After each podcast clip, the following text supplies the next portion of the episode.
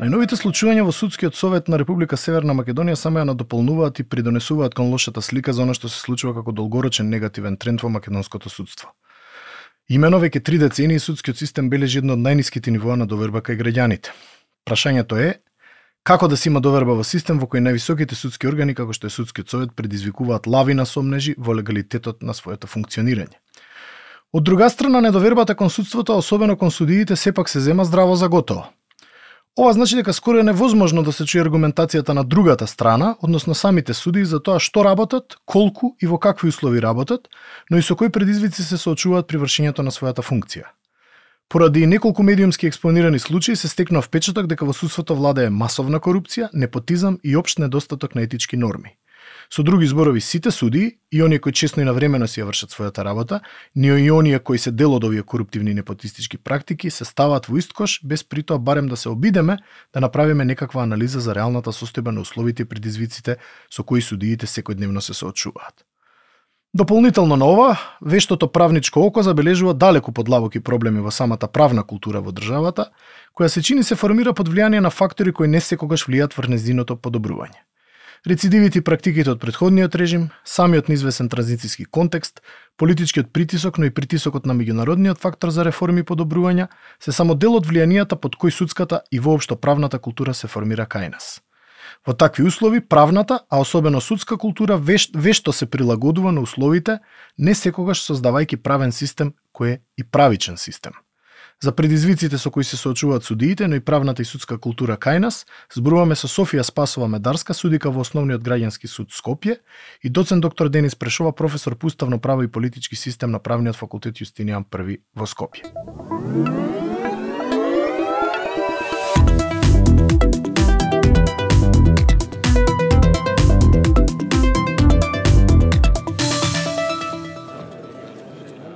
Софија, добре дојде прво, прво што сакам да те прашаме околу оптеретувањето на судиите, за кое веројатно многу малку луѓето знаат, имаат увид какво е. Значи, ако се земе се вкупното оптеретување на еден судија во текот на еден месец или година, за колку случаи за кои постојат тековни судења зборуваме? Колкаво реалното оптоварување на еден судија на месечно и годишно ниво? Јасно ми е дека постојат големи разлики од суд до суд, на различни судски инстанции, веројатно по региони, но можеме ли да се обидеме да дадеме нека просечна оценка за оптеретувањето? Како е во твојот случај? А, вака, јас доаѓам од граѓанскиот суд Скопје, кој што е најголем суд во државата со најголем обем на предмети.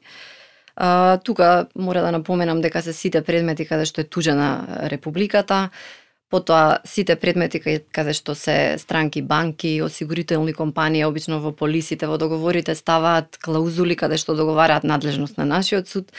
И се разбира, Скопје е најголем град со најголем број на жители, најголем број фирми се регистрирани овде, така што тоа се одразува на бројот на предмети. На пример, во одделот за работни спорови имаат по 900.000 предмети во работа, живи предмети. Така, на повеќе суди распределени. На пет или не знам сега колку се точно, може би се околу не повеќе од 10.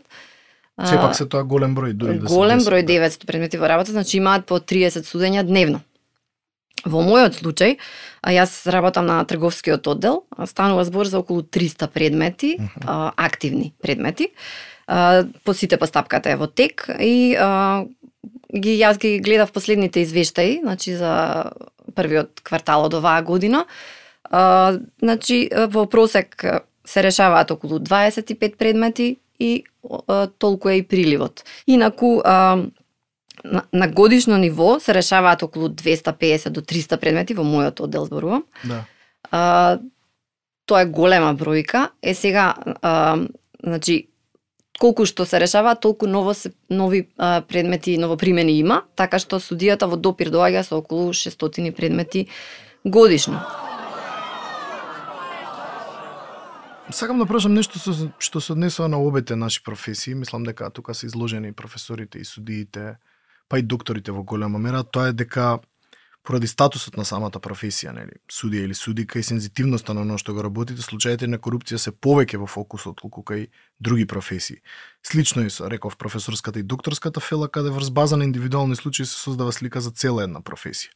Лично сметам дека во секоја професија постои одредена статистичка маса на луѓе кои секогаш ќе се впуштат во коруптивни практики, но дали е навистина оваа појава почеста во судството или е тоа последица на товарот на професијата, можеби? Mm -hmm. Пак, перцепција за корупција дефинитивно постои. Значи, Да. тоа го покажуваат, тоа го слушаме секојдневно по медиумите и низ разните извештаи тоа се покажува. Дали на вистина има, јас не ви знаела да кажам. Меѓутоа, па од друга страна, нема или многу малку има процесуирани случаи на корупција. Така што јас би ги охрабрила сите кои што се соочиле со оваа негативна обштествена појава, тоа да го пријавуваат, да го адресираат до надлежните органи. Само на тој начин може нешто да се помести и да се има успех да се сузбие оваа штетна појава. А, лично не мислам дека е почеста во судството отколку во други професии. А, значи, а, повеќе сметам дека станува збор за товарот на професијата, се одлучува тука за права, за различни спротивставени интереси, па често пати едната страна која што ја губи, го губи спорот, може и на тој начин да се го објаснува тоа Така. неуспехот. Си го дека- рационализиране успех. Па, субјективни сме сите, мислам, и ние да се најдеме како странка, Веројатно. сме субјективни, си ја држиме својата страна и на тој начин си го објаснуваат неуспехот. Не велам дека нема, но а, секаде да веројатно има одреден процент на луѓе кои што ќе се впушти во коруптивни практики, но тие треба што поскоро да се детектираат и да се одстранат од професијата, за да не им наштетуваат на другите кои што работат честно и совесно. А, Но тие што се жртви на таквите коруптивни практики треба да помогнат и тие да бидат откриени и да бидат процесуирани ваквите негативни појави. Сакам да прашам нешто друго. Колку отсутството на интерна и, и, и екстерна правна култура, значи онака и правните професионалци кај општата популација, создава можност не само за мултипликација на случаите пред судовите и нивно задушување со предмети, туку и практики кај кои обвинетите бараат алтернативни начини за решавање на споровите поради тоа што се наоѓаат затечени во одредени ситуации на например, најдов на една информација дека катастарските книги во поранешната држава, уште од времето на СФРЈ, биле едни од најнеуродно и најлошо водените во цела Европа. Од друга страна и самите граѓани се чини немаат доволна правна култура ниту едукација да ги регулираат своите имотно-правни, наследни, семени односи преку правни инструменти кои им стојат на располагање. Дали може би делување во оваа сфера би донело некакви резултати на подигање на правната култура? Да, секако дека би донело. Сега за среќа веќе нема од тие старите, односно многу малку има од тие старите собственички спорови. Веќе таа сфера е регулирана. Катастарот е востановен на целата територија. Потоа кај договорите за купопродажба на недвижности е предвидена задолжителна форма да бидат составени во форма на нотарски акт или солемнизирани, па над 10.000 евра ако се тука треба да се вклучи и адвокат при составувањето и да содржат адвокат, адвокатски печат. Значи, и дури и а, плаќањето и пренесувањето на собственоста веќе е истовремено, па се ги нема веќе или многу помалку ги има тие случаи на повеќе кратно отуѓување на една а, недвижност. Инаку, кога постоел системот на интабулациони книги и тапискиот систем, имало многу такви случаи и во, во денешни услови, со денешниот промет, тоа би било Хаос. ха- хаос, катастрофа, да. За среќа, такви предмети веќе имаме помалку. Е сега, во, во областа на семејните односи, значи се користат а, правните инструменти а, кои што а, кои што стојат на располагање. А, како што се на пример договорите за доживотна издршка, за отстапување на време на имот за време на живот, за дар, а, тестаментите имаме судскиот и а, кај нотар а, тестамент во форма на нотарски акт. Пред, предбрачни договори се уште нема, но мислам Не дека се работи нас се во областа на имотно-правните прашања ќе бидат тие, мислам дека се работи на тоа. Ќе но, но во моментов не се дозволени, такви договори нема. Значи се користат и ги регулираат граѓаните своите односи. Меѓутоа, според мене отсутство на правна култура и неплаќањето на сметките. Добро, и конечно сакам да прашам како да се справиме со оно што е рак рана на судството од како има независна македонска држава, тоа е нискиот рейтинг. Како оваа проблематика изгледа од перспектива на една судика? Што би препорачала да се преземе во оваа смисла, да се малку барем да се подобри а, довербата во судството и обвинителството кај кај општата јавност. Да. Според мене најголемиот дел од проблемите се од организацијски вид. Значи, потребна ни е реорганизација. Значи, пред се еднаш треба а, да се определи кој е максималниот број на предмети кој што може да му биде доделен во работа на еден судија, за да може побрзо и поквалитетно да ја спроведе постапката и да, да може да изготви една добра аргументирана судска одлука. А, на тој начин, според оптималниот еве број на предмети кои што може секој да го има во работа, треба да се определи потребниот број на судии во нашата држава и и потребниот број на стручни судски службеници. Бидејќи секој предмет е еден проблем. И секој човек, дури оној кој што е обучен да го работи тој да решава проблеми, не може во текот на еден ден да реши 100 проблеми. Може да реши еден, два, три, пет, другите ќе ќе почне да греши. Значи и судијата не можеме ние да го оптеретуваме со а, преголем обем на работа ако очекуваме а, квалитетно правораздавање. Не може да го претвориме од чет GPT со други зборови. Да, не е компјутер, значи сепак да, се работи за човек. Иско така треба да се поработи на рамномерната распределба на предметите по региони во државата. Так, значи не може да. се да биде сконцентрирано во, во скопските судови. А, Софија, благодарам за гостувањето. Имавме уникатна прилика, ми се чини, да, да видиме перспективата на еден судија, на една судика, поточно, на оваа проблематика која толку многу не тангира сите за која толку многу се зборува во последно време. Се надам дека ова нема да ти биде последно гостување и дека можеби следниот пат ќе се слушнеме или ќе се видиме со со малку подобри состојби во судството. Ви благодарам за поканата, ми беше чест и задоволство да бидам ваша гостинка и а, се надевам дека успеав да дадам одговор на она што ве интересираше и што би ги интересирало слушателите. Секако. Ви благодарам. Благодарам уште еднаш.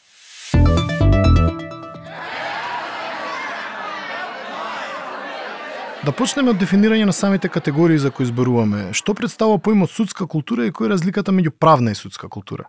Да, секако е потребно да се разјаснат овие термини, бидејќи често не се разбира која е стручната терминологија која се користи. Во основа за судска култура велиме дека тоа се вградените карактеристики на системот, на соодветниот систем, од кој зависи од на кој начин се проценува а, или се вреднува и се остварува а, судската функција во системот.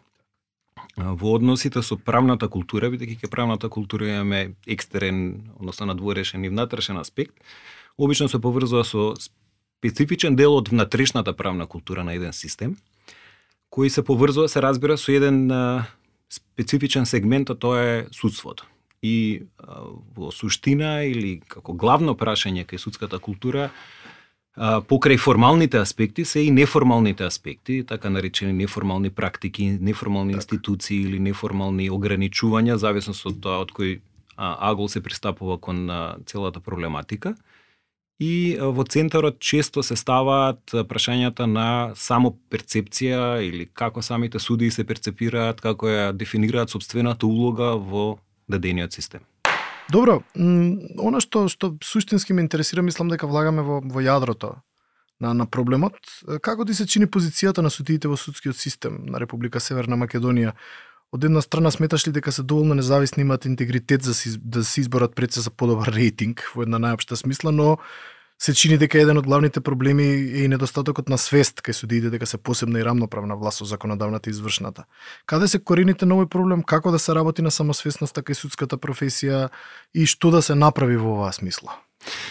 Да, може би едно од клучните прашања што самите суди треба да направат за да се изборат за своето место во рамките на институционалната структура се разбира дека судите треба да бидат проактивни, но не треба да забораваме дека карактеристиките и во нашите истражувања за судската култура забележуваме дека таа основните карактеристики на судската култура кај нас е првично претесно дефинирање на улогата на судиите во системот. Так. Тие се сведуваат и самите велат дека нивната улога е единствено да го применуваат правото, не и да го толкуваат, не да го развиваат, што е одамна напуштен концепт, реално, прилично застарен. На тој начин, всушност, тие се поврзуваат и со оној текстуализам, нели, слепо дури придржување до, до текстот на, на законските одредби без подлабоко да навлезат во што е суштината, на трешната конзистентност на, на пример, на еден правен акт, а, која е целта што сака да се оствари, како тоа било дискутирано така наречената легислативна историја во процесот на изготвување на и донесување на самиот правен акт и така натаму, значи да да не а, ширам премногу. Од друга страна, на тој начин тие се оправдуваат, односно избегнуваат одговорност, бидејќи таа судска култура се карактеризира со еден страв, една а, апатија, а, па би рекол и а, субмисивност, еден вид на чувство на подреденост. И кога велам подреденост, а, за жал, а, можеме да забележиме дури и кај а, кандидатите на академијата, имав јас едно искуство а, во, во минатото и се трудам тоа да го повторувам, односно да го повторувам. Тој еден вид социјален експеримент и, и кај нас на факултет на, на додипломските суди, на прашањето на Академија значи, за суди обвинители, која држав предавање, која е највисоката власт во нашиот уставен систем, како еден ми трик прашање, од прилика, значи, оваа генерација брои 97 ми се чини кандидати, А, иницијалниот одговор никогаш не беше дека имате рамноправност на сите три власти, кои се во основа три функции на единствената државна власт подеднакво значени, туку иницијалниот одговор и првичниот одговор си кажеш беше тоа е собранието законодавната власт. Па после некое време подпрашување и слично ќе дојде и ќе рече па во суштина извршната власт таа која има моќта, таа е највисока и дури имаше коментари дека судството е социјална на страна. Као што спомнав и предходно, сето тоа што влијае на одржување на градење на, на а, таа судска култура, влие и на тоа да имате да се одржуваат ваков тип на перцепции. И тие понатаму се рефлектираат нормално на тоа каква е улогата на судството во системот. Судството е иницијално предвидено да представува пречка, брана, заштита од злоупотреба на а, власта од страна на прецеп така наречените политички институции. И во, во таа смисла не можеме да очекуваме премногу од судската власт кај нас, ако има вакво тесно дефинирање а, на нивната улога во системот, ако имате менталитет или култура на субмисивност, а, ако не... Ако и ограничување, имате... само ограничување. Да, имате автоцензура, гледате дека и во светло на последните случувања околу судскиот совет, многу млаки изјави има и од највисоките инстанци.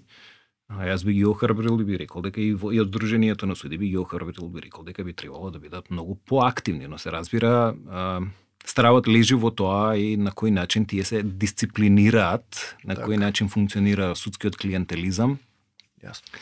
На кој начин самата политика и политичките елити, па и бизнес елити, но и од внатре од судството, кои се секако секогаш поврзани со со овие центри на моќ, влијаат на тоа каква ќе биде судската култура. Members of the jury, have you reached a verdict? Следното прашање токму во тој правец со обзир дека на денот кога го снима овој подкаст се уште се свежи да речам вестите врзани за судскиот совет и цело на контраверза која таму се случи. Каква треба суштински да е неговата улога во поставеноста на македонскиот правосуден систем, зборуваме секако за судскиот совет, често се доживува како орган кој е задолжен да казнува и врши притисок врз судиите, но која би требало да биде неговата вистинска улога? Токму така.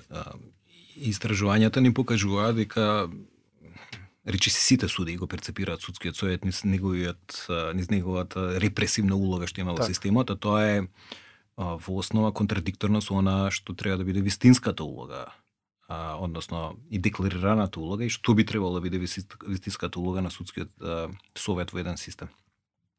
Судскиот совет и кај нас и законски и суставот е дефиниран како тело, посебно тело независно самостојно кој треба да ја гарантира да ја штити независноста на судството. Би требало да се подразбере и на индивидуалните суди, но иако тоа не е наведено експлицитно, но би требало да се подразбере. Вие забележете а, колкав е бројот и диспаритетот во однос на бројот на разрешени суди и бројот на изречени дисциплински мерки. Разрешувањето треба да биде последната мерка која ќе се изрече, ултима рацио мерка. Так. А, само ако ништо друго не може да, да вроди со плод, тоа треба да се случи, бидејќи сметете дека а, секој разрешување на, на судија праќа сигнали во целото судство. Ако е прелесно разрешувањето, тоа значи дека одредени центри на моќ ми праќаат пред, предупредувачки сигнал, внимавајте што правите, ве следиме, ако некаде погрешите, ќе ве санкционираме. Ако сте добри, ќе ве наградиме, ќе ве унапредиме и тука се забележуваат најголемите влијанија во основа и на судската култура и на перцепцијата за улогата на, на судскиот совет. Значи, судскиот совет не е суд, не е никаква судска инстанца, тој е еден вид на управен орган, орган кој треба да го менаџира судството и одлучува за судската кариера, а, кој е некако во рамките при судството, но не е суд. Така, јасно. И тоа најчесто кај нас се заборава. И за тоа и улогата на, на судскиот совет веќе е, деформирана и изместена а, и би требало да се работи на тоа, но само промена на формалните правила нема да донесе ништо. We, the jury, find the defendant guilty Конечно, што би препорачал да се преземе со цел да се адресира ниската доверба кај граѓаните во однос на правосудниот систем? Верувам дека не постојат брзи решенија, но што би требало да се смени на среден и долг рок со цел да се зголеми довербата на просечниот граѓанин кон судиите и судството воопшто. Да, кај нас рефлексно веднаш се тргну од промена на правната рамка, на најчесто законски измени и ние наназад години веќе добиваме коментари дека треба малку да забавиме со таа причеста промена на, на а, законите и да оставиме нешто да профункционира.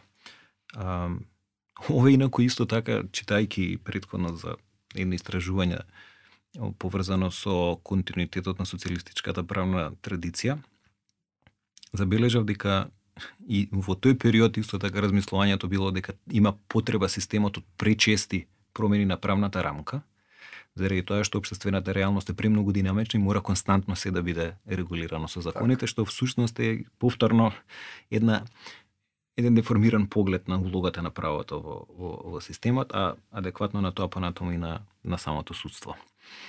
Значи, рефлексно кај нас се оди веднаш на законски решени. И ние, верувајте, каков и год модел да донесеме во овој момент. Под вакви околности, на ваква судска култура и ваков судски менталитет, ништо нема да ги даде посакуваните резултати.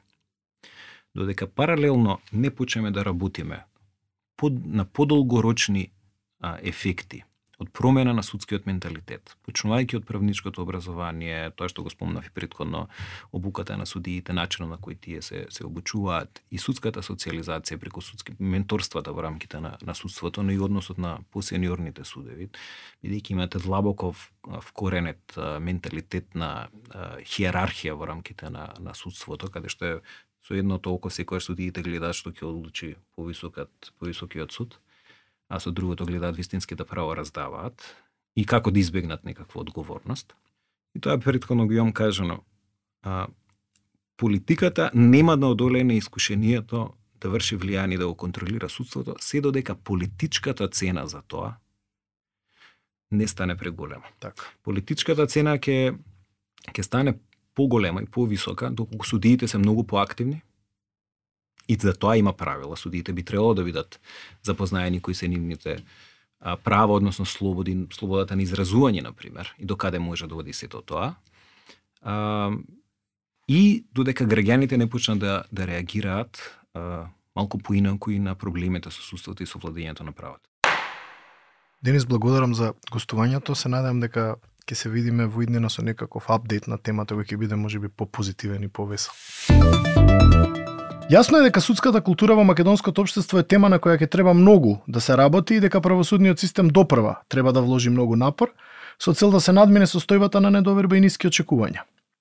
Затоа на место заклучок, за крај две важни поенти. Првата е од кирката на председателот Џон Кенеди Керолин Кенеди, која вели дека основата на демократијата е владењето на правото, а тоа значи дека треба да имаме независно судство, суди кои можат да носат одлуки независно од политичките ветришта кои дуваат. Вториот цитат е директно од далечниот предходник на низиниот татко, председателот Ендрю Джексон, кој рекол дека сите права обезбедени на граѓаните со уставот не вредат ништо и се само празна приказна, освен кога нив ги гарантира независно и доблесно судство. Се чини дека кај нас судството треба прво да се избори за независност, за дури потоа да можеме да отвориме темата на доблесноста. До слушање од вашиот домаќин Ненад Марковиќ.